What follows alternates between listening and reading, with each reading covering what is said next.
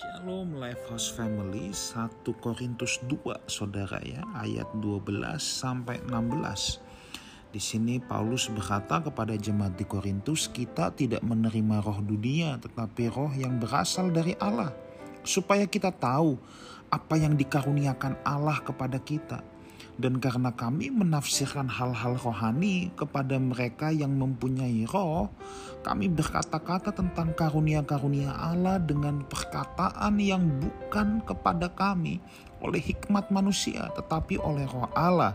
Tetapi manusia duniawi tidak menerima apa yang berasal dari roh Allah. Karena hal itu baginya adalah suatu kebodohan dan ia tidak dapat memahaminya sebab hal itu hanya dapat dinilai secara rohani. Tetapi manusia rohani menilai segala sesuatu, tetapi ia sendiri tidak dinilai oleh orang lain. Sebab siapakah yang mengetahui pikiran Tuhan sehingga ia dapat menasehati dia? Tetapi kami memiliki pikiran Kristus. Saudara, ada beberapa pokok pelajaran penting yang bisa kita ambil dari perkataan Paulus tadi dalam 1 Korintus 2 kepada jemaat di Korintus. Tetapi pada kesempatan ini saya ingin fokus bahwa kita mendapati ada dua jenis manusia di sana yang pertama adalah manusia duniawi, yang kedua adalah manusia rohani. Siapakah manusia rohani itu? Manusia rohani adalah manusia yang telah menerima roh Allah dan memiliki pikiran Kristus. Nah, saudaraku, apa yang mau saya sampaikan begini.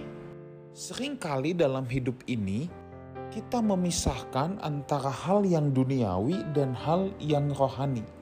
Misalnya kita anggap kalau kita pergi ke gereja itu rohani. Kalau kita pelayanan itu rohani.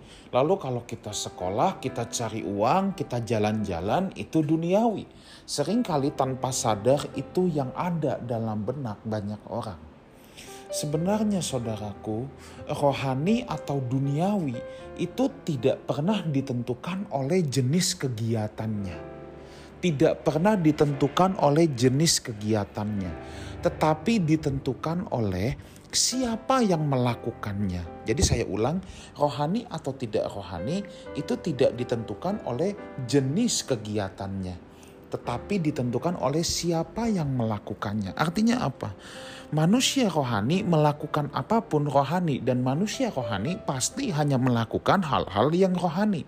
Sedangkan manusia duniawi hanya akan melakukan hal-hal yang duniawi.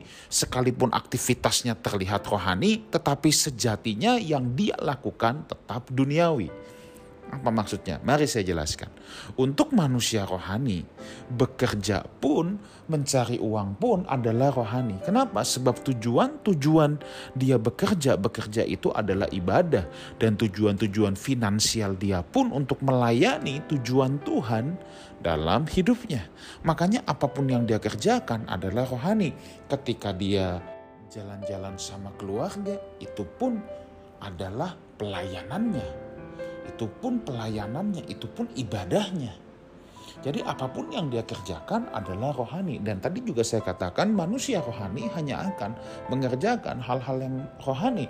Manusia rohani tidak akan berjudi, tidak akan berzina. Kenapa? Sebab dia hanya bisa melakukan hal-hal yang rohani. Tetapi sebaliknya, manusia duniawi selalu mengerjakan hal-hal yang duniawi sekalipun kelihatannya rohani.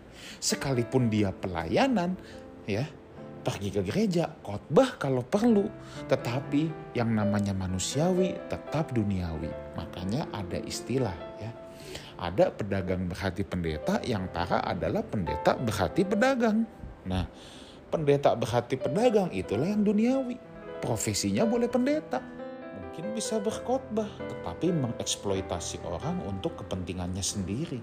Nah, itulah saudara yang saya maksud bahwa sesuatu duniawi atau rohani itu bukan soal jenis aktivitasnya, tetapi soal siapa yang melakukannya.